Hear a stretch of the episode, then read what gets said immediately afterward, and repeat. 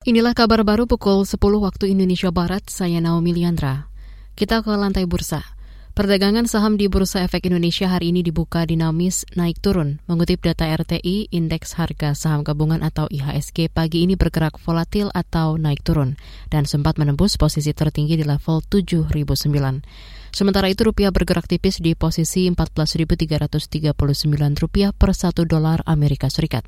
Pada penutupan hari Jumat lalu, IHSG ditutup melemah di posisi 7.002.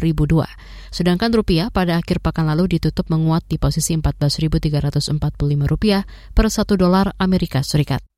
Wakil Presiden Maruf Amin menyebut Indonesia membutuhkan banyak ahli di bidang keuangan syariah. Dia mengajak masyarakat berkontribusi di bidang ekonomi dan keuangan syariah, utamanya untuk mengembangkan fikih-fikih berwawasan kontemporer di masa depan.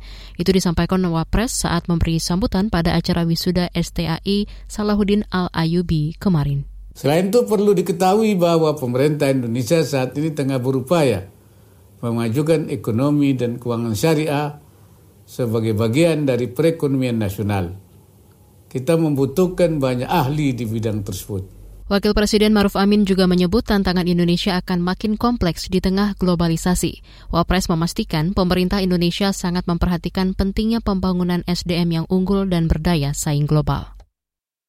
Pengamat ekonomi energi dari Universitas Gajah Mada Fahmi Radi menduga kelangkaan solar bersubsidi disebabkan kurangnya pasokan di lapangan. Dugaan tercermin dari adanya sejumlah antrian kendaraan yang akan mengisi solar bersubsidi di berbagai daerah. Dia mendorong Pertamina menambah stok dan melakukan pengawasan pada distribusi. Saya melihat ya kalau ada masalah berarti ya di distributornya. Itu satu. Nah kemudian yang kedua dari data sebelumnya itu ya saya mengamati ada semacam kecenderungan gitu ya, kecenderungan kalau harga minyak dunia itu tinggi, maka terjadi kelangkaan. Yang kedua hal tersebut, kemudian saya menduga gitu ya, bahwa Pertamina itu mengurangi pasokannya. Itu tadi pengamat ekonomi energi dari Universitas Gajah Mada Fahmi Radi.